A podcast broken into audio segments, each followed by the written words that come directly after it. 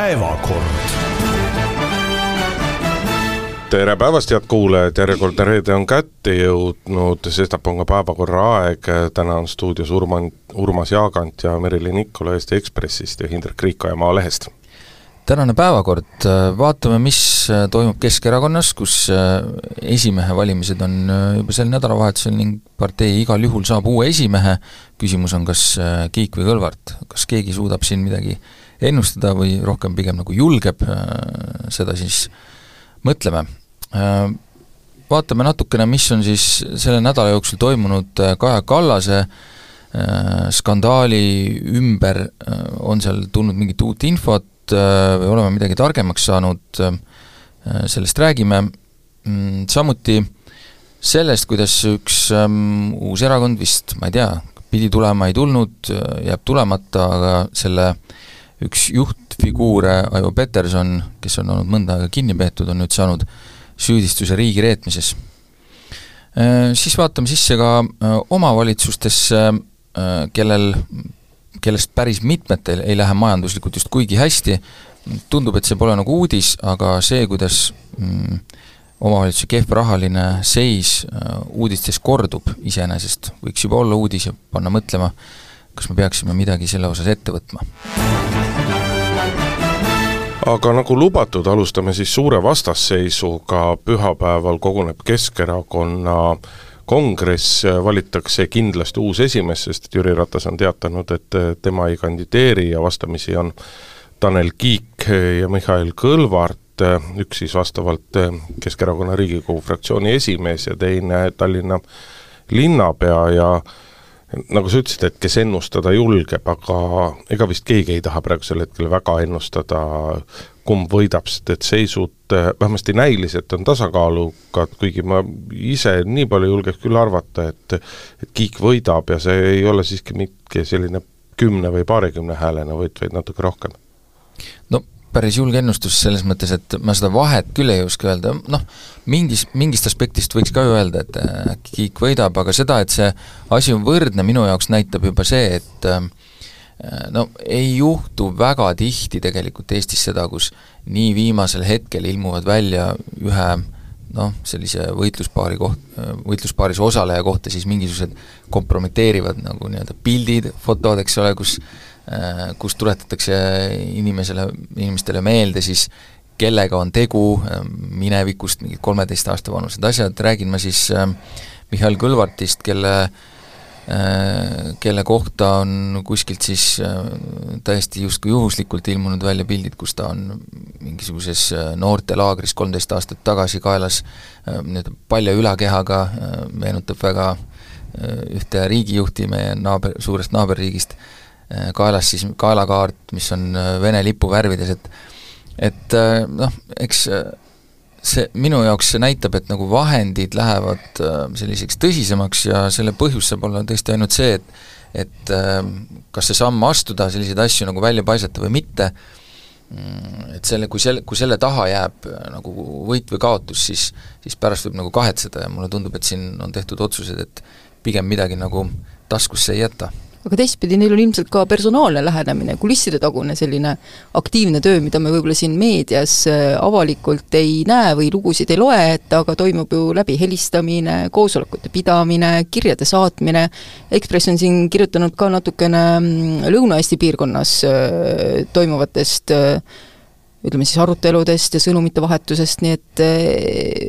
jah, võitlus on võib-olla ägedam, kui me isegi nagu äh, näeme, aga ilmselt jah, sellepärast, et äh, seis on nii tasavägine, ma ei tea, piisab võib-olla sellest, et üks äh, buss või auto läheb äkki teel kongressile katki ja siis ongi juba äkki seis teistsugune. No seal on, Kõlvarti juures on ju mitu asja, üks asi on see Vene propagandalaagri, Selingeri laagri nii-öelda meenutused, aga aga tegelikult on ju Kõlvartil muu taust, tegemist on inimesega, kes on kunagi olnud kinni peetud, keda, keda kaitsepolitsei on pidanud tarvilikuks korduvalt ära märkida oma aastaraamatus, viidates eh, nii-öelda Vene propaganda mõjudele ja Vene huvide esindamisele Eesti poliitikas ja ja ka see on tegelikult valijatele peaks olema üks, eh, üks nagu võtmeküsimus, et eh, milline võib olla erakonna tulevik ühe või teise juhi, juhi juures, kas ühes või teises on peaministri potentsiaali, kas nemad võiksid pääseda valitsusse ja kindlasti peaks näiteks küsima kõik valijad endalt, et äh, kui esimeheks saab Mihhail Kõlvart, siis kes on need erakonnad, kes on valmis tegema valitsust äh, koos äh, erakonna esimehega, keda kaitsepolitsei on korduvalt ma ei taha öelda kahtlustanud, aga kes on viidanud või kelle puhul kaitsepolitsei on viidanud tema, tema Vene sidemetele ja Vene huvide esindamisele või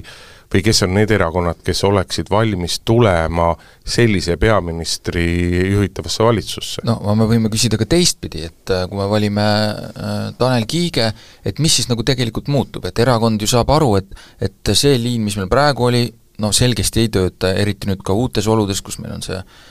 Ukraina sõda siin taustaks, ju, mida keskerakondlased ise rõhutavad väga, et see on nende kehva valimistulemuse nii-öelda põhimõjutaja, eks siin on võib-olla natuke sellist äh, noh, cope imist ka, et nagu kuhu, kuhu kaela see ära kirjutada, aga et mis siis nagu muutub, et äh, Tanel Kiik on olnud Jüri Ratase mm, selline lähedane kaasvõitleja kogu aeg see ma tundsin juhja... ennast praegu nii vana inimesena, sest ma ei saanud aru, mis asi see cope imine on. no toim-, mul ei tulnud eestikeelset sõna toime, toimetulek või hakkamasaamine selle, selle halva olukorraga, eks ma siis võin pärast sõnaraamatut lapata siin. et äh, aga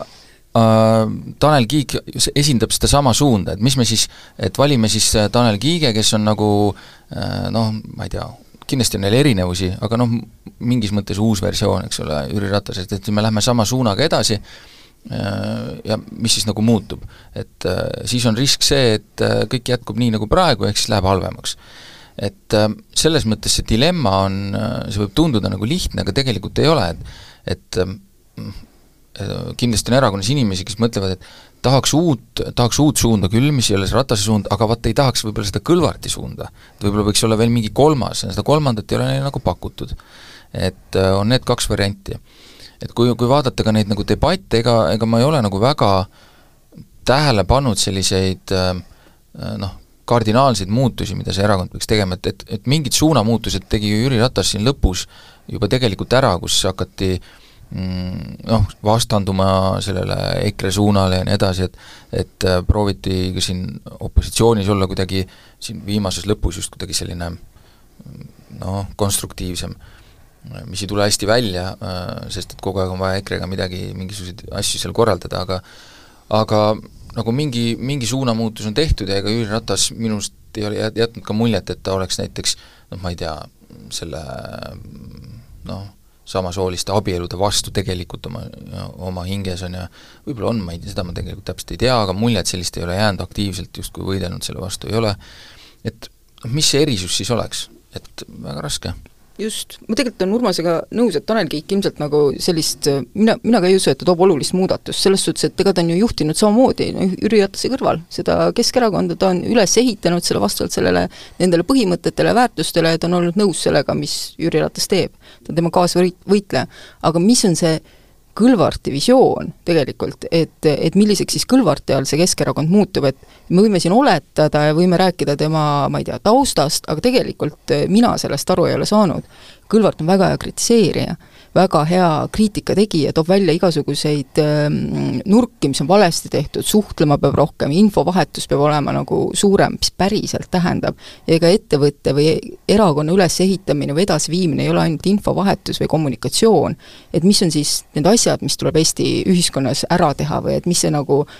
eesmärk on, aga teistpidi, ma lugesin ähm, ka mingit äh, Tanel Kiige siis mingit kokkuvõtet, et äh, mis tema meelest tuleb ära teha. ja see loetelu oli pikk, on ju, aga minu arust olid need kõik sellised nagu operatiivtasandi otsused või noh, et sellised, et taktikalised. see, are-, arendame piirkondi, on ju, aga mis see visioon on või, või mis see muutus on? ja, ja, ja, ja kas meil on ka mingit julgust teha mingit pööret ja midagi jätta nagu täiesti nagu minevikku? See oli jah, eilses Maalehes üks äh, päris hea ülevaade, kus mõlemad kandidaadid vastasid samadele küsimusele. aga siit jah, kerkib, sa tõstatad üles selle kauni küsimuse, et äh,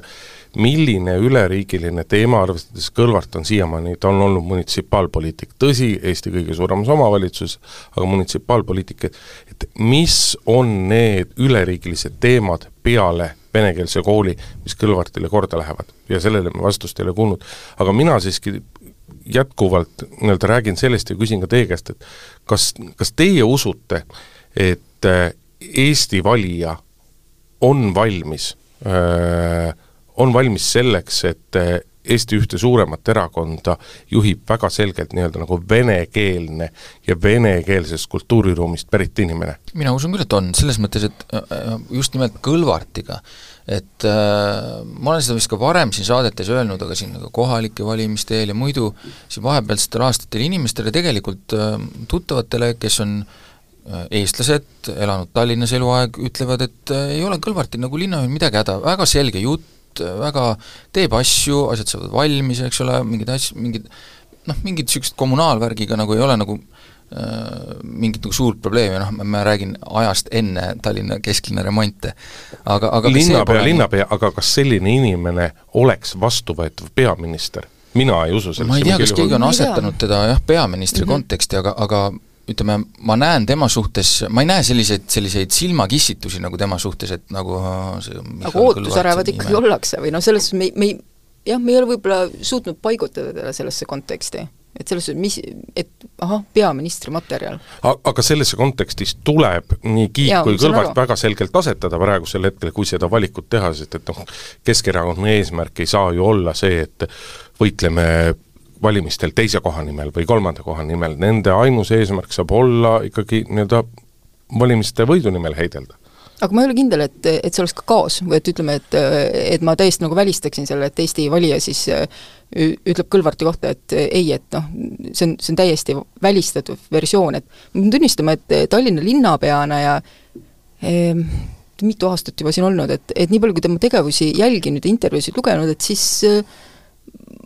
ma ütleksin, et on ka samme, mis on mulle tegelikult meeldinud, et on olnud nagu linnajuhina sümpaatne, et selline korrektsus, julgus otsuseid teha, et äh, aga kuidas see nagu peaministri tasandil võiks välja mängida, et äh, ei no üks asi on, kuidas sa ise ja. tunned, aga, aga kuidas sa nii-öelda seda rahva meelsust tunnetad? kas, kas valijate poolt tuleb selline toetus? võiks tulla sellisele inimesele nii suur toetus? vot selles mina kahtlen, et siin ikkagi lööb see äh, Eesti noh,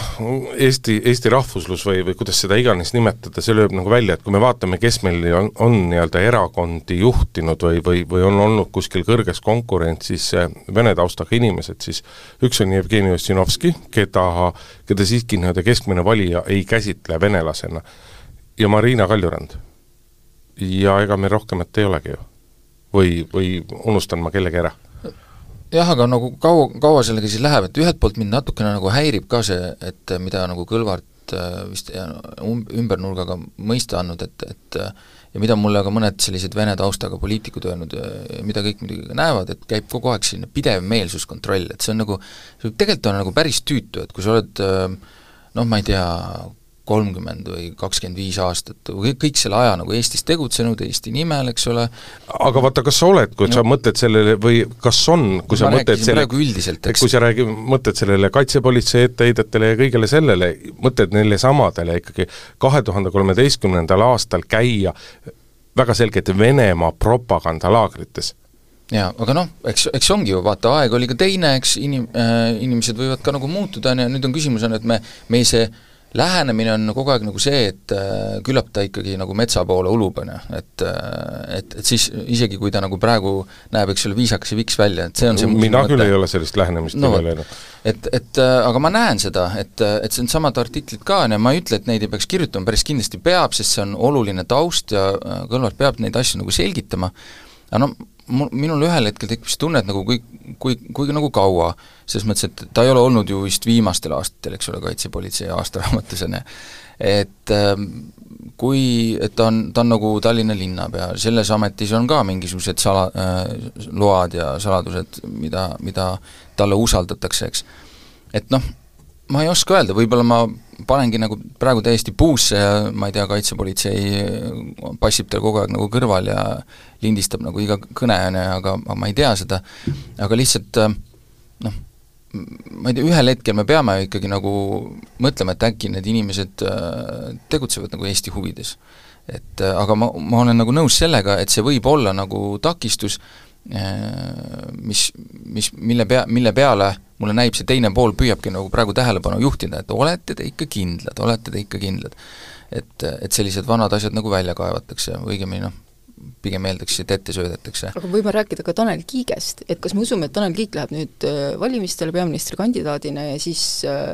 temast saab äh, häältemagnet ja kõik koonduvad tema selja taha ja tema on see aktsepteeritud äh, kandidaat, kes sobib nagu äh, kõigile. ma olen siin ka nagu äh, kahtlev, et kas ta suudab ikkagi mobiliseerida endale siis senist Keskerakonna valijat. tema su-, tema suhtes ma ütleks ka, et ta on nagu väga palju muutunud, et sellisest kahesaja, kolmesaja hääle mehest on saanud ikka nagu korralik häältevõtja, pluss siis see, et ka noh, ütleme, debattides esinemine on läinud paremaks ja kõnekiirus väga ei ole langenud, aga, aga selline Äh, mingit noh, mingit rataslikku maneeri seal kohati on, aga aga päris head pointid tihti ja selline intelligentne jutt, äh, et selles mõttes mm, ja intelligentne just selles mõttes, et see on nagu arusaadav ka nagu see argumentatsioon, et see ei ole nagu liiga keeruline. et selles mõttes on ta kindlasti väga palju muutunud äh, ja noh, jällegi, see perspektiiv võib olla ju nagu järjest paremaks, et et ja seal on just jah, seesama küsimuse koht, et kas kas nüüd tema on see meie nagu esifiguur, et selles mõttes on Keskerakonnastel tõesti väga keeruline ülesanne. praegusel hetkel ta kindlasti ei ole see häältemagnet, sest et tema häda on see, et noh, Kiik on tuntud kui, kui kõva töötegija, väga suure töövõimega, loeb põhjalikult ja nii edasi, aga sellisel kohal nagu parteijuhi koht ei ole mitte tähtis see, mida sa kõike tead, vaid see, kuidas sa seda välja paistad, kuidas sa seda välja ütled. sa pead paratamatult seal kohapeal olema mõnevõrra pealiskaudsem, aga selle võrra karismaatilisem, panema ennast inimesi kuulama ja nii edasi. ja tänasel hetkel, Kiik on muutunud, sa ütled õigesti, et, et aga tänasel hetkel ta ei ole veel seda õiget taset saavutanud, aga noh, tal on ta selle õppida. jaoks, just, tal on selle jaoks mm -hmm. veel Mhm. kaks-kolm aastat Just. aega. aga kõige suurem äh, võtmeküsimus on tegelikult ikkagi see, et äh, millest sõltub Keskerakonna tulevik, et valitakse siis esimeheks, kes valitakse, kas sellega saabub erakonda rahu või läheb äh, taustal ikkagi edasi äh, selline nii-öelda kisklemine, kas erakond jääb ikkagi pooleks äh, või suudetakse ühtse meeskonnana edasi liikuda. ja see on minu jaoks küll nagu selgelt kõige suurem küsimus, et vaadata, vaadata, kuidas äh, kuidas Kõlvart on ikkagi, ta on tegelikult nagu aastaid tegelenud sellega, et vaikselt nii-öelda õõnestada ja pürgida selle positsiooni poole. et äh, selle taustal on väga keeruline uskuda, et äh, et kui ta jääb alla, siis ta lepib sellega ja läheb nii-öelda Kiige meeskonna ühe liikmena edasi ja samal ajal, ega ma ka Tanel Kiige puhul nagu väga selgelt seda ei usu, sest et praegusel hetkel jah, väga selgelt, nagu Urmas ka ütles, Kiik on Jüri Ratase mees Jüri Ratas on juba nagu praegu öelnud seda, et et kui ikkagi kõik on valesti, et siis ma võib-olla ikkagi võin uuesti tagasi tulla ja nii edasi. et seda leppimist on keeruline näha, aga kui ära ei lepita, siis tulevikku ei ole. ma arvan, et mõlemad saavad sellest aru väga hästi, et äh, lihtsalt ongi jah, et kuidas seda teha, et noh, et ütleme, Kõlvartist äh, sportlasena ma usuks, et kui nagu vile käib, võistlus käib äh, ja tuleb kaotus ja käib lõpuvile, et siis, siis on nagu läbi, et siis tuleb oodata järgmist äh, võistlust, kus siis proovida ise uuesti võita, et no jah, aga et- ette valmistuma peaks ju hakkama kohe. ja noh, tei-, teiselt poolt ähm, väga hea argument, eks ole, Kõlvarti tiimile on see, et mm, jah, te valite nüüd siin, eks ole, Kiige, aga see Jüri Ratas on ju seal kogu aeg, eks ole, taustal ja ma arvan, et Jüri Ratas kindlasti kui Kiik võidaks, panustaks väga palju oma seda äh, noh, üsna kuulsaks saanud oskust äh, kätt hoida ja nagu inimesi lepitada sellesse, et need pooli nagu kokku viia, et, et sealt tekib jälle see küsimus, et kui suur see Jüri Ratase nagu taustamõju saab olema, sest et äh, Kiik peab olema ka sellises positsioonis, kus Jüri Ratas mi-, midagi välja pakkudes Kiik ütleb, et ei, me ei tee nii, ma olen esimees, minu, mina mõtlen, et me teeme nii. ja siis Jüri Ratas peab ütlema, selge, et äh, siis, siis teed nii. et äh, kas, kas see hakkab seal toimuma, ma ei tea, kui palju Jüri Ratasel seda mõju saab olema. aga noh, lepitamise juures võiks tal kindlasti olla mõju, aga ma arvan ka, et, ka et Kõlvart ei, ei mõtle seda, et kaotuse korral oleks ma ei tea, kasulik mingisugune oma punt nagu kuhugi eraldi luua, et sellest, sellest ei, ma arvan, mingit väga head nahka ei tule. et ähm, see, aga see küsimus on õige, et, et kuidas, kuidas seda nagu koos hoida. Mm, et noh, kui, kui seal mõlemad pooled saavad aru, et see on nagu üks võitlus ja tuleb ka järgmine, siis, siis võiks olla võimalik, et kui, kui seda ei nähta nagu maailma lõpuna lõpetuseks sellele teemale, noh mina tahaks öelda, et Keskerakonna valik on ju tegelikult see, kas olla suur või suurim üleriigiline partei või jääda üheks väikeseks munitsipaalparteiks, kellel on Tallinn ja veel paar omavalitsust. kindlasti ma tahaks märkida ära selle, et noh, pehmelt öeldes piinlik on vaadata muidugi seda, mida teeb Jaanus Karilaid. Ja, ja ma ei tea, mina Tanel Kiige asemel küll mõtleks väga tõsiselt, et kas, et kas ma tahaks oma meeskonnas nagu sellist venda näha, kes kes vist üldse ei anna endale aru, mida on mõistlik öelda ja mida mitte ja noh, ja, ja kuidas sa seda ütled. aga teeme ikkagi ennustuste vooruga lõpuks ära, et kes siis võidab, mina ütlesin, et Kiik võidab, aga keda sina, Merili, ennustad? ma pigem arvan, et ka Kiik ma ei tea, et saates säiliks pinge, ma siis ma siis lihtsalt äh, paberi peale pane kirja, ütlen, ütlen Kõlvart, aga ma ei ole selles nagu kuigi kindel. et äh, tulemusi ma ei hakka ennustama, ma pakuks, et need jäävad üsna, ikkagi üsna võrdne üsna võrdne, mis tekitab äh, väga palju emotsioone, viiskümmend üks, nelikümmend üheksa, ma ei tea, midagi sellist protsentide mõttes. siis vaatame. aga läheme edasi nii-öelda iganädalase teemaga, et mitte öelda igapäevase teemaga, Kaja Kallase äh, idavedude skandaal ei ole kuhugile raugenud, kuigi seda on Kaja Kallase leeris ikkagi juba oodatud päris mitu nädalat, et, et see teema käiks äh, tasahilju, tasahilju maha ja siis saaks selle asja nagu üle elada, aga praegusel hetkel nii-öelda pinge on üleval, aeg-ajalt tilgub ka mingisuguseid uusi infoterasid või uusi kommentaare, noh selle nädala kõige kõlavam oli muidugi äh, Alar Karise järjekordne nii-öelda kordamine ja väga selge häälega öeldud, et äh, Kaja Kallas oleks pidanud tagasi, tagasi astuma, noh, ma julgeks küll öelda, et äh, et asi liigub äh, tagasiastumise suunas, aga, aga otsitakse ja passitakse hetke, millal seda oleks koššer teha ja millal saaks tuua mõne teise vabanduse kui seda, et allusin idavedude skandaali survele nojah, ma, ma nagu selles mõttes, mina iseloomustaks seda hoopis niimoodi, et kui sa ütlesid, et tuleb uusi infokilde ja kommentaare, ma ütleksin, et tuleb ainult uusi kommentaare ja arvamusi ja mitte uusi infokilde. Äh, kui sa ütlesid, et see Reformierakond ootab selle nagu mahavaibumist, mida ei ole juhtunud, siis ma ütleks, et on küll juhtunud. et äh, kui alles on jäänud arvamused, mis hakkavad juba üksteist vaikselt kordama, mm, siis ma ütleks, et ongi alanud selle skandaali nagu nii-öelda mahakäimine. et, äh, et selles mõttes see leek kindlasti nii, nii tugevasti enam ei kõrveta, aga jah, selles mõttes pinge on kindlasti nagu püsti. mis Karise kommentaari puutub, siis minu jaoks on natuke naljakas, et ma saan aru, president ei saaks öelda, ütleme sellel, sellel hetkel, kui ta arvab, et peaminister peaks tagasi astuma, öelda, et äh, sa pead nüüd tagasi astuma, avalikult ma mõtlen. ei, miks ta ei saa öelda, ikka saab öelda, iseasi, kas peab. aga noh, tulla tagantjärgi öelda, et nüüd, kui, nüüd kui meil on kõik see info ees, et nüüd mulle, nüüd mulle paistab, et tegelikult tol hetkel oleks olnud õige, noh, seda analüüsi teeme me siin nagu kogu aeg, on ju, see on nagu, ongi meie nagu töö, eks ole, võtta see info tagantjärgi, olla tagantjärgi hästi tark. vihjad nagu väiksele kättemaksu motiivile või? Ma ei tea, mulle tundub, et see asi on kerinud seal üsna pingeliseks, neid, neid selliseid torkeid äh, on tulnud äh, päris palju, ma seda punktiseisu ei ole vaadanud, kes parasjagu peal on, aga niisugune torkamine käib, äh, käib küll, et et ma, mul, ma ei kahtle selles, et see on tema siiras arvamus,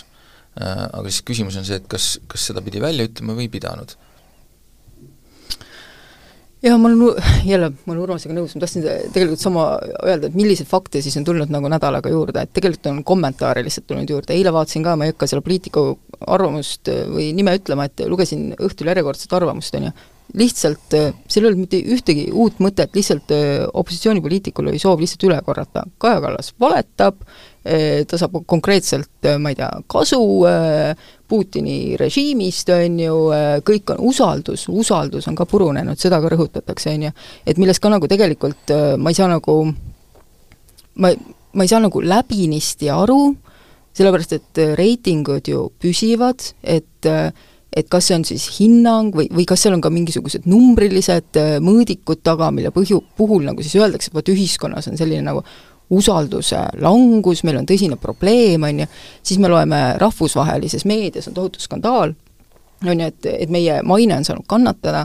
e,, hästi kõlavad pealkirjad, ma loen siis neid sisuliselt, et mis see siis tähendab, et, et kes need välismaal olevad inimesed on, et kes siis tunnetavad seda, et, et meie riigi maine on pihta saanud, ja siis see kirjeldus on selline, et keegi võttis koridori mul, koridoris mu varrukas kinni, küsis, mis teil seal Eestis toimub nagu. et ja siis keegi veel küsis nagu. et ma ei ole ka selles veendunud, et ka meie maine on sada protsenti äh, pihta saanud ja siis, kui ma olen hakanud äh, tagantjärgi ka mõtlema, et äh, nüüd me, nüüd on nagu muutunud lihtsalt, öeldakse see lause, et Kaja Kallas valetas, ta valetas meile kõigile. kus täpselt see on praegu kinnitust leidnud, milline fakt oli siis täpselt nüüd vale?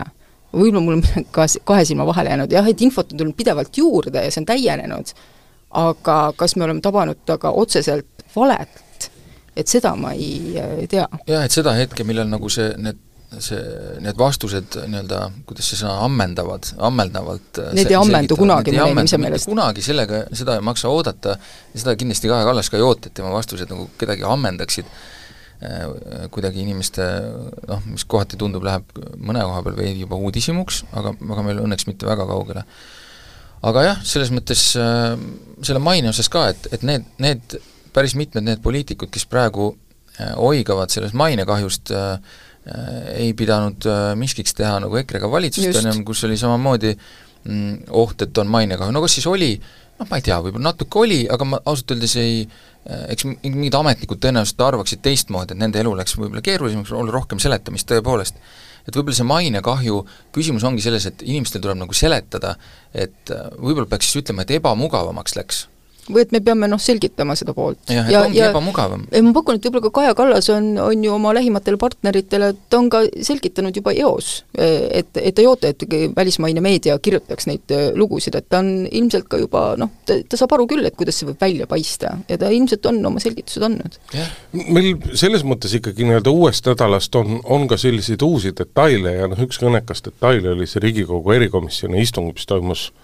kas ta nüüd oli esmaspäeval või teisipäeval,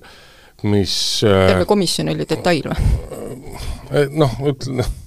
sa said aru küll, mis ma mõtlesin, mis sa norrid mu kallal. aga, aga see, kuidas äh, noh, masendav oli see, kuidas Mart Helme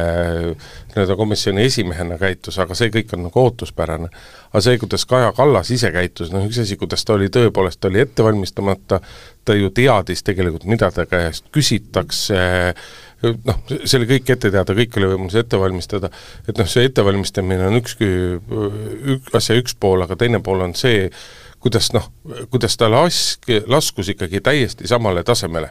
ja see on, seda on osad nagu spetsialistid ka tähelepanu juhtinud, et et kui siiamaani on Kaja Kallas üritanud ennast kogu aeg eks-, EKRE-st distantseeruda, öelda, et meie oleme targemad, meie oleme paremad, meie oleme viisakamad, siis tänasel hetkel Kaja Kallas igal pool nõuab, et teda ja EKRE-t koheldaks täiesti ühtemoodi, et valitseksid ühesugused suhtlemised, eh, suhtumised, aga oma retoorikas äh, muutub Kaja Kallas ise ka samasuguseks, kusjuures tal tegelikult ju peaministrina ei ole temal tarvis muutuda labaseks, lamedaks, selliseks lahmevaks ja ärplevaks, noh, ta ei ole, ta on oma positsioonis igal juhul üle Mart Helmest, et miks tal on tarvis laskuda samale tasemele ma olen selles mõttes nõus jah, et, et ma, ma olen püüdnud ka aru saada, mis mis see arv, arvestus seal taga on, ilmselt see arvestus on see, et et meid kutsutakse sinna selgelt nagu noh, põhimõtteliselt pulli tegema ja ei ole mõtet ka sellega, sellega nagu liiga palju vaeva näha. ja kõige kurvem ongi see, et see on nüüd tõsi. et mis mind kõige rohkem ärritab, ongi see, et et opositsioonipoliitikud, teil on suurepärane võimalus nagu äh, seda asja nagu proovida, neid nagu saada kätte neid detaile, mis on olulised, et ei kasuta seda võimalust, te, te raiskate selle lihtsalt ära, võib-olla ma olen peast ajakirjanik. mitte sa ei ole peast ajakirjanik, aga vaat tegelikult oli ju ka sellesamal istungil olid ju, olid ju mõned opositsioonipoliitikutel, kellel olid nagu väga selged, väga konkreetsed, lihtsad küsimused, jällegi, mis oli teada, et nad seda küsivad, Kaja Kallas oleks saanud selleks kõigeks ette valmistada. aga lihtsalt noh, see lamin, ja, ja see ärplemine, mis seal käis, eks ole, pingpongitamine, pingpongitamine Helme ja, ja, ja Kaja Kallase vahel, kuhu siis vahepeal ka nagu Valdo Randpere sekkus, noh, see oli muidugi omaette täiesti ustu, uskumatu, uskumatu, uskumatu lugu, mis sealt kõik kõlas, aga aga noh, aga, aga ka need asjalikud asjad, nad mattusid kõik selle alla lihtsalt ära. jaa, aga, aga nüüd sa ikkagi ei öelnud, mis siis need, mis siis need faktid olid või mis me, mis me uut teada saime, me saime teada Detail. uusi, me saime uusi, me saime ühe portsu uusi emotsioone, mida saab analüüsida, mida me juba tegime, me saime sealt kindlasti teada, mida arvab asjadest Randpere, mida arvab asjadest äh, Mart Helme, eks ole, aga aga mida aga, meenuses aga me vaata, targemaks saime, me ei saanud. aga vaata ikka küsimus ongi selles, et et, et me räägime eelkõige ju nii-öelda moraalist ja eetikast tulenevast konfliktist ja skandaalist, et ega seal need detailid ongi tegelikult ju need, mis on, mis on nagu tähtsad, et see et noh, et, et kui sa otsid sellist nagu numbrilist fakti taga, siis, siis neid siin tingima, tingimata ei ole aga siis ei ole uusi detaile. võib-olla, võib-olla tõesti üks asi sellest nädalast on see, et äh, Kaitsepolitseiamet suutis oma, suutis ikkagi formuleerida mingid laused selle kohta, et äh, millest on võimalik välja lugeda, et on inimesi kontrollitud, on nüüd ka uuesti kontrollitud ja ei ole leitud midagi sellist, mis paneks äh, Kaja Kallast kas siis läbi tema enda või läbi tema abikaasa nagu sellisesse šantaažiohtu või kus siis oleks nagu mingisuguseid sidemeid Venemaaga siis, mis peaks nagu ärevaks tegema jah, aga vaata üks küsimus, mis oli nagu hästi oluline, mida Kaja Kallasele esitati ja tegelikult ka nagu kapole esitati, et et kas kapo teavitas Kaja Kallast tema abikaasa Venemaa suunalisest ärist, siis sellele ei ole keegi otsesõnu vastanud. kas Kaja ei öelnud sellest, ei? et äh, ei, sellest ei olnud juttu. ja, ja teistpidi on see ka loogiline, kui kapo kontrollis ei, selle ära, et mi-, miks sa peaksid rääkima asjast, mis ei ole probleem? ei, aga vaata, Kaja, Kaja ka on kogu aeg vastanud ja see, ja see jutt käib just selle, kerib selle ümber, et et, et ei ole ohtu, ei ole sanktsioonide rikkumist, sest et Kaja Kallase üks küsimus on ju ka see, mis on nagu väga segane, millal sai Kaja Kallas teada oma abikaasa Vene äridest? kas ta teadis sellest juba varem või sai ta sellest teada alles selle skandaali puhkedes? vaata, ma juba ütlen, et siin juba on nagu, et millal sai teada abikaasa Vene äridest nagu, noh, palju neid siis on ja kas me, ja mis osas need on Vene ärid, et see on nagu niisugune väga suured üldistused. ei, aga see on, aga see ongi ju selle skandaali skandaali põhiline, põhiline ja probleem. see on olnud selle skandaali esimesest päevast see põhiküsimus, kas ta teadis, äh, kui palju ta teadis ja sest et see ajast. on ju kogu selle skandaali võti tegelikult. ma saan aru, aga ma lihtsalt ütlen, et saaksid äh, nimetama juba mitmuses, on ju, üldistama, mis oli osalus, on ju, või ma olen nõus, need on põhiküsimused. et, et millal ta sai teada ja me oleme püüdnud näiteks, mõni arvab, et kindel fakt on see, et kui Kaja Kallas oli siis Metaprindis ja siis on seal slaid taustal, kus on üks punkt, et vot see tõestab seda, et sel hetkel ta pidi teadma, aga ma ei ole ka selles veendunud nagu, et miks, miks, miks ta oleks pidanud sealt nagu jätma selle meelde või et noh, tema töökoormusega sa ei suuda kõike nagu e, tuvastada või mit, mit, mitu slaidi inimesele peaministrile päeva jooksul näidatakse ma ei kujuta seda ette, aga noh, see, see kõik ongi, et äh, paraku nagu tagantjärele tundub nagu kõik, kõik mitmed asjad nagu hästi lihtsad, aga, aga tegelikult kipume ära unustama, et tegu nagu inimestega. Äh, kellel noh, peale kõige muu on äh, emotsioonid, on ju, on ka nagu noh, mälu, eks ole, kuhu midagi mahub ja midagi ei mahu. et äh, see, tahtmata nagu, nagu liiga palju kaitsta äh, seda noh, kujunenud olukorda, siis muidugi on see nagu halb, aga lihtsalt jah, et mulle tundub, et, et see hinnang, et see asi nagu kuidagi põleb sama ereda leegiga kui enne, siis sellega ma ei ole nõus, kui vaadata puhtalt ratsionaalselt aga ega ma ei olegi öelnud, et ta sama ereda leegiga edasi põleb. et, et siis ikkagi mulle tundub, et praegu hetkel Reformierakonna taktika töötab, ähm, ma sellesse, ütleme siis, kui siin mõned inimesed, kellega ma olen suhelnud, juba natuke hõiskasid, teist nädalat näed, reiting püsib, no ma selle osas oleks veel ettevaatlik, sest et igasugune loogika ütleks, et seal peab mingisugune langus tulema, äh, noh küsimus on, et millal, on ju, ja kui suur ja sellest, ma arvan, sõltub nagu päris palju, et, et see annab jälle uue võimaluse inimestele mikrofonid nina alla panna, et nüüd on teil reiting siin, ma ei tea, viis-seitse protsenti kukkunud, kas nüüd peaks tegema mingeid, mingisuguseid muudatusi. ja see paneb uuesti nagu surve ja see tek-, hakkab võib-olla seal noh, niisugused äh, kehvema närvisüsteemiga erakonnakaaslased ka kindlasti juba natukene murelikuks tegema, aga aga seni, kuni äh, keegi tuleb, et olukord on halb ja talle näidatakse kohe, tõmmatakse taskust välja, välja prinditud see reitingutabel, kus kohas on probleem, ei ole probleemi. ja noh, selle järgi vaadates nagu ei olegi. et ega see Kaja Kallase tagasiastumine tänasel hetkel sõltubki kõige rohkem sellest, et millal muutub see kogu skandaal ja, ja Kaja Kallase persoon ebamugavaks nii koduerakonnale kui ka koalitsioonipartneritele ja siis hakatakse otsima seda kohta nii-öelda, mille abil välja astuda sellest, kuidas, kuidas ka, mis põhjendusega Kaja Kallas saab tagasi astuda. ja noh, klassika, mida sellistel puhkudel on kasutatud Eesti poliitikas, on see, et kallis, kallis hea koalitsioonipartner, kellega me olema kokku, koos suutnud valitseda, on nüüd muutunud nii võimatuks, et igasugune koostöö jätkumine on täiesti välistatud, on need siis mingid praktilised küsimused, eetilised küsimused, aga seal on ees väga selgelt see probleem, et äh, kui Kaja Kallas astub tagasi, siis Reformierakond igal juhul moodustab uue valitsuse ja ega Reformierakonnal ei ole väga palju võimalusi teistsugust koalitsiooni moodustada kui tänaste partneritega. Ja noh, jube keeruline on siis öelda, et üks või teine koalitsioonipartner on muutunud nii võimatuks, et koostöö ei suuda enam jätkuda. ja, ja üks koht, kus selliseid asju võib palju olla, on riigieelarve, mille arutamine parasjagu käib, et sealt võib selguda tõesti mõni detail, mis on, millest me pole varem kuulnudki ja mis on täiesti ületamatu, ületamatu takistus. Siis minnakse laiali, tullakse kokku tagasi ja järsku on leitud lahendus uue peaministriga ja läheb kõik edasi, et et jah, üks tiht-, tavaline reegel on see, et ikkagi äh, Äh, ma usun, et Kaja Kallas, isegi kui ta näit-, oletame, et ta mõtleb selle peale, et ühel hetkel võiks tagasi astuda, tahaks seda teha oma tingimustel. mitte et, mitte et see jääks mu-, mitte et äh, opositsioon saaks võidu, et äh, kuidas ta nimetas, šaakalid saaksid võidu, eks, et vaid et tema oma tingimustel äh, ja, ja siis, kui talle sobib. et äh, ma arvan, et äh, noh, küllap võib-olla seda ühel hetkel otsitakse, sest kindlasti ta isiklikku kahju on saanud väga palju, erakond on seni jäänud nagu puut-, nagu suuresti puutumata veel, aga see võib minna hullemaks. opositsioonierakonnad on parlamendi äh, sügisistungjärgu normaalse töö taastumise või töö jätkamise sidunud ka Kaja Kallase personaalküsimusega võiks, kas, kas valitsus ja kas Reformierakond võiks siis loota, et kui Kaja Kallas ei ole enam peaminister, siis valdav osa nii-öelda erimeelsustest kaob ära ja selline pidev juntimine, töö venitamine, torpedeerimine, see lõpetatakse ära? No kindlasti mitte, sellepärast et äh, täiesti pragmaatiliselt vaadates ei ole olukord sellest vaatest grammigi muutunud.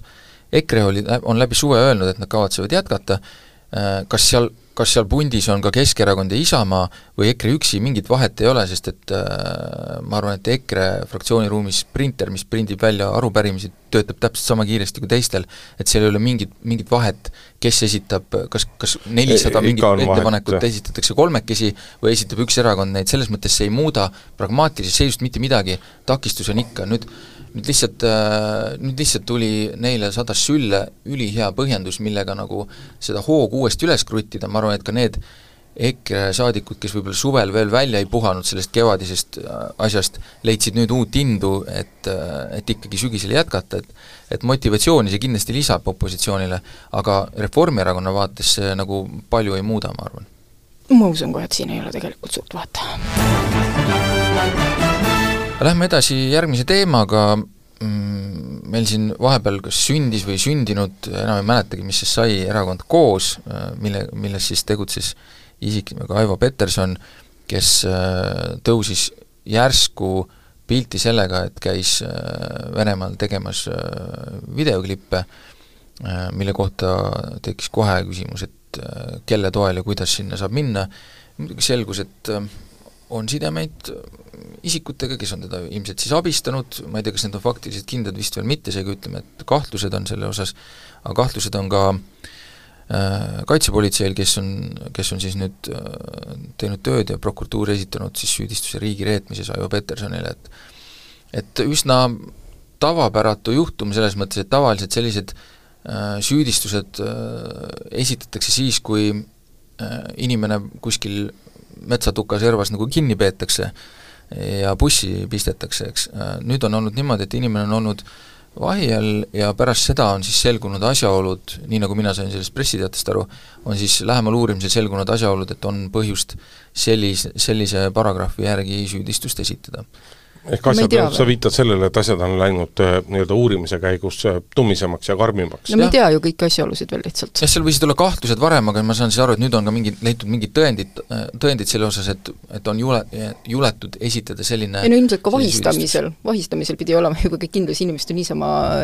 kinni ei panda, aga Aivo Peterson ju tegelikult äh, jah, et see, see Venemaal käik äh, tõstis ta teravamalt luubi alla, aga tegelikult on ta olnud siin varem ka ju meil, me oleme isegi temast kirjutanud juba mingi aasta või poolteist varem, et tema tegevusest, et ja nüüd, et äh, tuli süüdistus riigireetmises, et see nagu ei olnud võib-olla rabav üllatus, pigem siis nagu selline nagu eh, võib-olla kinnitus, et asi on nii, nagu äh, välja paistab, aga jah, et Petersoni kaasus selles suhtes on nagu tõesti huvitav, et eh, muidu on olnud nagu mingite dokumentidega ringi jooksvad inimesed, on ju, panevad siin postkastidesse asju ja, ja toimetavad kusagile põõsa all, on ju, aga nüüd on inimene, on ju, kes kelle eesmärk oli tegelikult kaasata teisi inimesi, on ju, tekitada mingit liikumist, on ju, olla esil, on ju, ja tal õnnestus see ka, on ju, kui me mõtleme valimistulemustele. just, valimistulemused Narvas äh, olid ju nii-öelda nad said seal kamba peale kolm pool protsenti häältest, et mis on nagu ja kõik olid väga üllatunud, on ju, kõik, äh, paljud analüütikud olid neid ju noh, alahinnanud või ei pööranud tähelepanu, meil on olulisemaid asju, mida tegeleda, et see tundub ju kõik natukene nagu selline imelike vaadete kamp, on ju, et ja nad said hääled. Et, et see on nagu, see, see on selline nagu, nagu õppetund, et ma võib-olla, võib-olla, okei okay,, võib-olla meie ei pannud tähele, ma tahaks arvata, et julgeolekuasutused võib-olla panid siiski tähele, et no vot, ma ei ole nagu väga kindel, sellepärast et millise nii-öelda šokina tuli just see valimistulemus tegelikult ühiskonnale ja poliitikutele, siis ma arvan, et ka et ka võib-olla korrakaitseorganid ei pööranud sellele nii palju tähelepanu, et ega meil sellest süüdistusest ju tänasel hetkel aimu ei ole äh, väga palju, et, et mis need tõendid võiksid olla ja kuidas tõendid tõetakse, tõendatakse, aga olemuslikult nii-öelda selle süüdistuse mõte on selles, et et Aivo Peterson lõi siis nii-öelda Venemaa esindajatega sellised kontaktid, mille eesmärk oli ühest küljest äh, inimeste meelsust muuta, aga kuidagi ikkagi läbi selle meelsuse muuta võimalikuks või võimalikumaks ka see, et, et Venemaa saaks minimaalselt jõulisemalt siinsesse poliitikasse sekkuda ja siinsesse ühiskonna toimimisse sekkuda, aga võib-olla siis ka midagi veel sammukene kaugemale, et et kindlasti üks osa sellest, sellest süüdistusest ja süüdistuse karmusest, me ei tea muidugi, mis kohtus sellest kõigest alles jääb ja kas kohus teda selle eest süüdi mõist-, on kindlasti ka selles, et see on nagu noh, näidispoomine või näidishukkamine, sellepärast et ei ole saladus ja seda nii-öelda räägivad ju erinevad äh, julgeolekuga tegelevad inimesed väga palju, et, et, et Venemaa on ikkagi väga märkimisväärselt hoogustanud seda, et, et, et otsida inimesi, kellel oleks äh, antud juhul Eestis, kelle sõnal oleks kaalu, kellel oleks mingit mõjujõudu, et seda oma narratiive maale tuua ja seda ühiskondlikku suhtumist muuta. et see tegevus on hästi, hästi intensiivne ja ka Petersoni kaasus on üks asi, mis on nii-öelda muuhulgas peaks teistele olema hoiatuseks, et, et mõelge, sõbrad, me teame, me jälgime. Ja kui te vahele kukute, siis oi-oi, mida me teie, teiega teeme, et noh, esimene asi ju öeldi, et noh, ähvardab eluaegne vanglakaristus, kuigi see põhikaristus on seal vist kas kuni viisteist aastat või kuni kümme aastat. aga need, kes vahele jäävad või, või kellega Venemaa, noh, Venemaa ju oskab inimesi otsida, on ju, et kellega kontakti võtta, on ju, et ega Aivo Peterson, ma ei usu ka, et ta oli kurjuse kehastus ja mõtlesin skeeme välja ja kuidas läheneda, mis need sõnumid peavad olema, on ju. et äh, meil oli Ekspressis temaga persoonilugu pärast seda, kui ta tuli Venemaalt tagasi või ütleme seal kohe seal piiri peal, on ju, ja siis me natukene kaardistasime tema ajalugu ka ja tegelikult äh, kõik asjad loosse ei läinud, aga ta oli ikkagi ähm, väga nukra saatusega inimene, kes ilmselt oli väga-väga-väga pettunud Eesti riigis. et äh, väga sobiv kandidaat, kellele Venemaa oskas ilmselt läheneda sobivalt jah, et ähm, selles mõttes tõesti tagurpidine olukord, kus, äh, kus on, äh, kus on olukord selline, et me teame, nagu tavaliselt on jah niimoodi, et kui me kuuleme nendest kinnipidamistest, kõigepealt me hakkame otsima, et kes see inimene on, et enam, kes ütleme, julgeolekuvaldkonna asjadega ei tegele, noh, pole tõenäoliselt kuulnudki, aga jah, et seekord äh, inimene, kes, kelle kohta oli enne nagu teada ja no ma olen ka aru saanud, et kaitse esimesed reaktsioonid on olnud sellised, et noh, et aga kõik oli ju avalik, et äh, et videod, noh, mis siis rippusid üleval, igaüks sai ise otsustada, mis see nagu endast kujutab, et äh, noh, see on, et selles mõttes nagu tõesti nagu tagurpidine olukord, et noh, küllap on seal küllap on seal taga ka asju, mida me ei tea või milles, milles et asi ei ole kindlasti nendes videotes, ma arvan, need on mingi osa sellest võib-olla, mingi nähtav osa, aga, aga enamik on ikkagi pimeduses, ilmselt saame siis vähemalt mingis osas sellest ka nagu teada, aga aga see saab olema jah, kindlasti selline huvitav juhtum ja õppetund kindlasti nendele, kellel, kellel on asjadest selline ette, kuidagi selline noh, ühelt poolelt, teiselt poolelt ettekujutus, et mida, mida on ju palju ette heidetud. aga, aga see ole ju veel noh,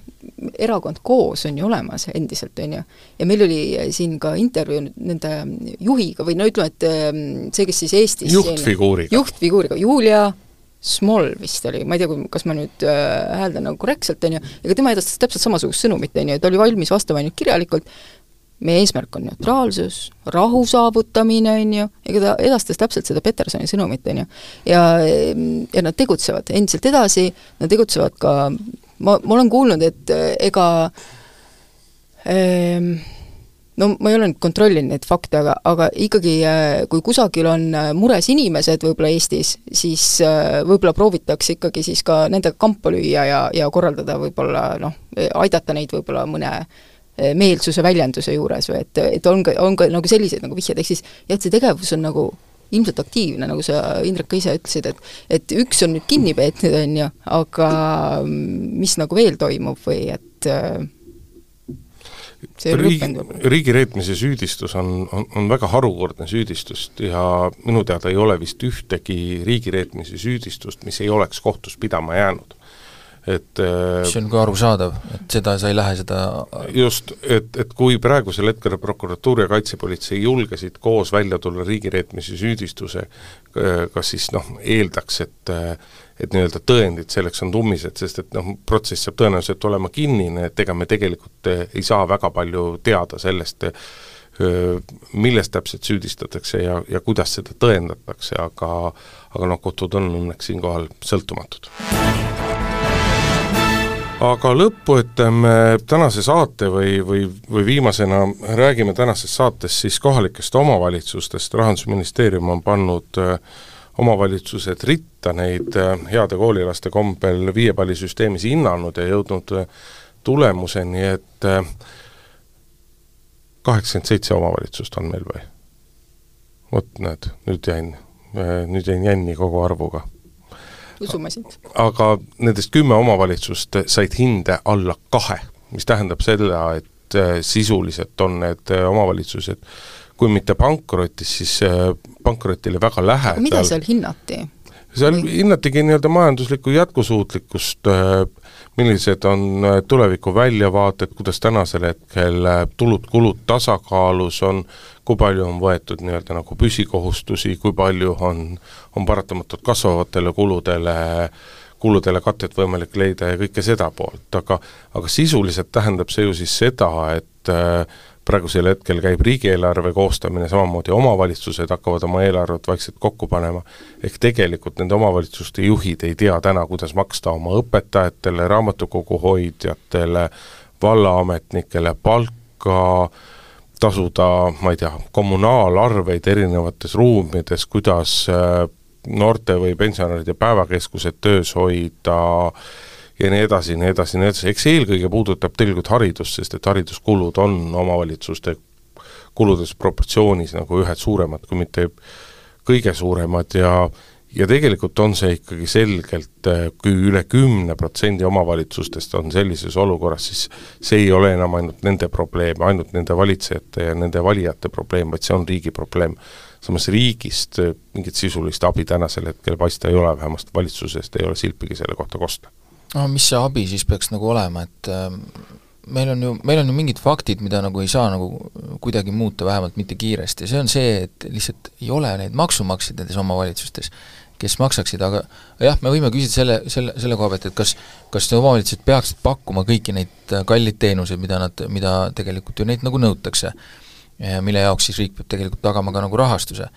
Et äh, seda võiks tõesti mõelda, aga, aga nagu me näeme, ei ole kohalikud inimesed väga valmis, et nende omavalitsusest mingisuguseid teenuseid näiteks vähemaks jääks või äh, või midagi kuhugi ümber kolitakse või kuhugi peaks kaugemale sõitma, et et äh,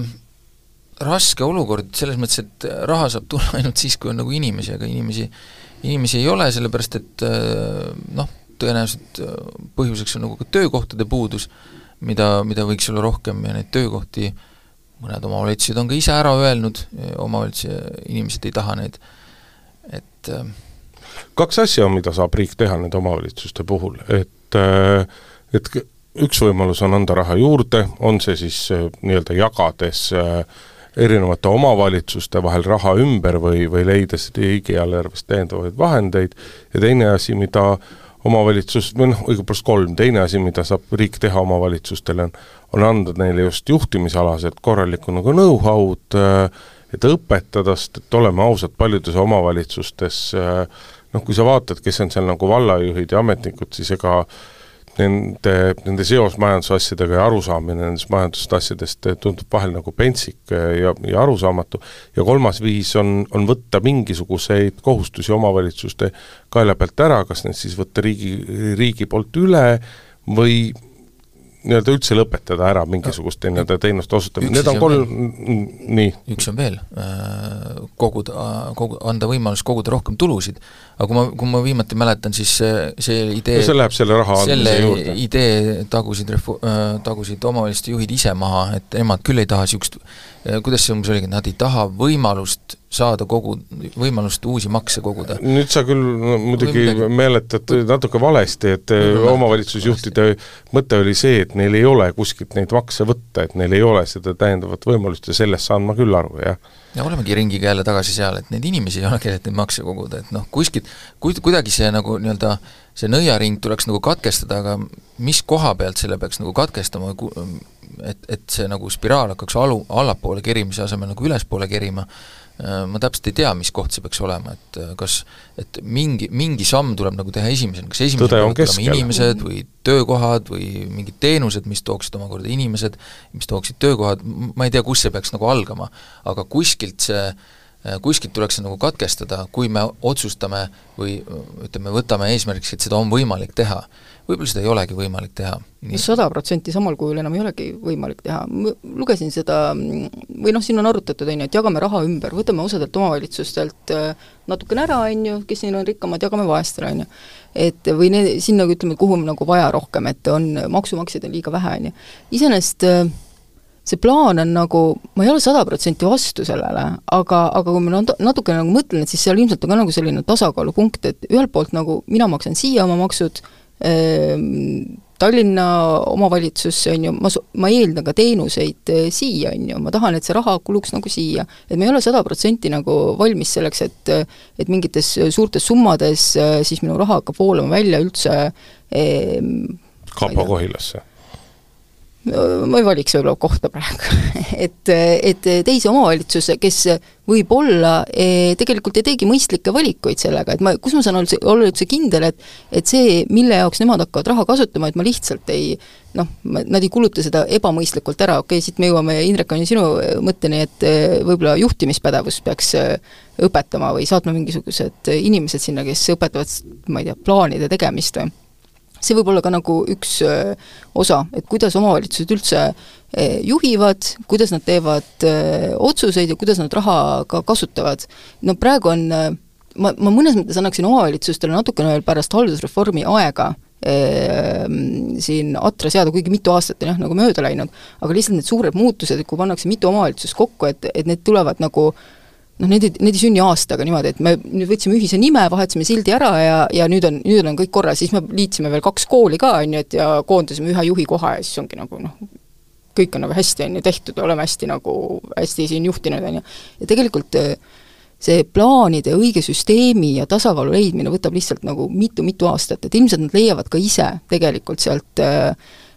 mingisuguseid nagu kokkuhoiukohti. aga jah, et me, et riik mingil kujul kuidagi peaks ähm, kas äh, maksusüsteemi muutmisega, et peaks äh, toetama neid, aga ma ei arva, et see peab rääg-, jääma ainult äh, riigi nagu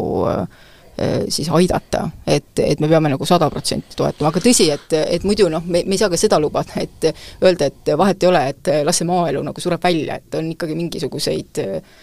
ikka midagi tuleb nagu teha. no vot, ega mina ka selles mõttes ei oska ju konkreetset retsepti anda, vaid loetlesin lihtsalt üles need võimalused, millega on võimalik appi minna ja eks see tõde ongi tõenäoliselt kuskil seal keskel, et et iga asja natukene, aga, aga kõige olulisem on see, et riik ikkagi teeks midagi, teeks mingisuguseid päris asju, mitte ei teeks nagu asendustegevusi ja ja näilisi asju, sest et äh, ega mille muu see jaoks see riik siis olemas on, kui kui elu Eestis korraldada ja alati mitte ainult üleriigilisel tasandil, vaid ikkagi tarvidusel mängida rolli ka kohalikul tasandil, et et riik ei saa mingil juhul enda käsi puhtaks pühkida, sest et noh, see ei ole reaalne, et me laseme mõnel, mõnel vallal nagu pankrotti minna, aga väga selgelt ka väga selgelt ka nii-öelda peavad need vallakodanikud endale otsa vaatama ja just, ja, ja üritama aru saada sellest, et ega valla rahakotist kehtivad tegelikult täpselt samasugused reeglid nagu nende enda rahakotis, et nad saavad ainult teha neid asju, mille jaoks neil nagu raha on, natukene saad tuleviku arvelt laenu võtta, aga sa ei saa seda lõputult teha ja ja kõik seesama toimub vallas ka ja siis sa peadki mõtlema sellele, et kui mitut kooli, kui mitut ujulat, kui mitut raamatukogu, kui mitut bussiliini, kui mitut äh, äh, ma ei tea, abi vallavalitsust või, või, või, või, või vallapunkti või teeninduspunkti või kuidas iganes neid nimetada, kui palju sul omavalitsuses vaja on, et kui palju selle raha eest saab? ja minu jaoks üks suur niisugune segane küsimus on see, et omavalitsused äh, justkui tahavad olla nagu äh, mingites sõnumites nagu iseseisvad, hästi, me tahame oma asju ise korraldada, me tahame ise teha, äh, meil on oma nii-öelda mingi autonoomia, mingeid asju nagu otsustada, ja siis teiselt poolt nagu jääb mulle tihti mulje, et nagu tegelikult väga ei taheta ka, et äh, tahetakse ikkagi, et äh, me tahame ise teha, aga riik peab andma, riik peab toetama niimoodi, et et see kuidagi see mõttemaailm minu arust nagu ei, kohati ei vaata sinna suunda, et äh, me tahame olla ise et me tahame ise hakkama saada. et, et ähm, kuidagi tajutakse kogu aeg seda nagu riigi turvavõrku, et äh, me võime, me siin katsetame mingeid asju, kui nagu tuksi läheb, küllap see riik siis tuleb ja nagu aitab. et äh, ma ei tea, kas see on, see võib-olla lähebki jah, kokku selle, sellega, mis sa ütlesid, et et äh, peab natukene nagu mõtlema võib-olla peab nagu mõttemaailm olema selline, et kujutame ennast nagu saareks, et meil ei olegi kuskile minna, meil ei ole kuskile põgeneda, meil ei ole, meil on see, mis meil on ja mis me sellega nagu teha saame et äh, võib-olla seda mõttemaailma äh, võiks nagu rohkem näha, aga noh, kindlasti mõnedes kohtades on olukord ka selline, kus kus, äh, kus nähakse, kuidas inimesi jääb järjest vähemaks, mis tähendab, et raha on järjest vähem ja tundub, et nagu justkui oleks asi lootusetu. kas mitte Lääneranna vald ei olnud see julge, kes otsustas ja tegi koolid ümber ja reformi ja nüüd siis. Jah, aga samas vaatad, vaatad kõrvalt näiteks Järvamaal on mõnda valda, kus on tehtud sama asja, aga on suudetud nii-öelda inimestega rääkida, arutada ja ilma, et suuremaid kisa oleks, et see, vot see on, see on nüüd see juhtimise ja kõige know, know-how. aga nende mõtetega lõpetame tänase saate ära, Merili Rikkolo, Urmas Jaagant ja Hindrek Riiko olid stuudios ja hea uudis on kuulajatele selles mõttes, et järgmist saadet ei pea nädal aega ootama, sest et eh, elu mängib asjad nii, et juba järgmisel neljapäeval on uus päevakord eetris, nii et ilusat nädalavahetust ja uut nädalat teile! päevakord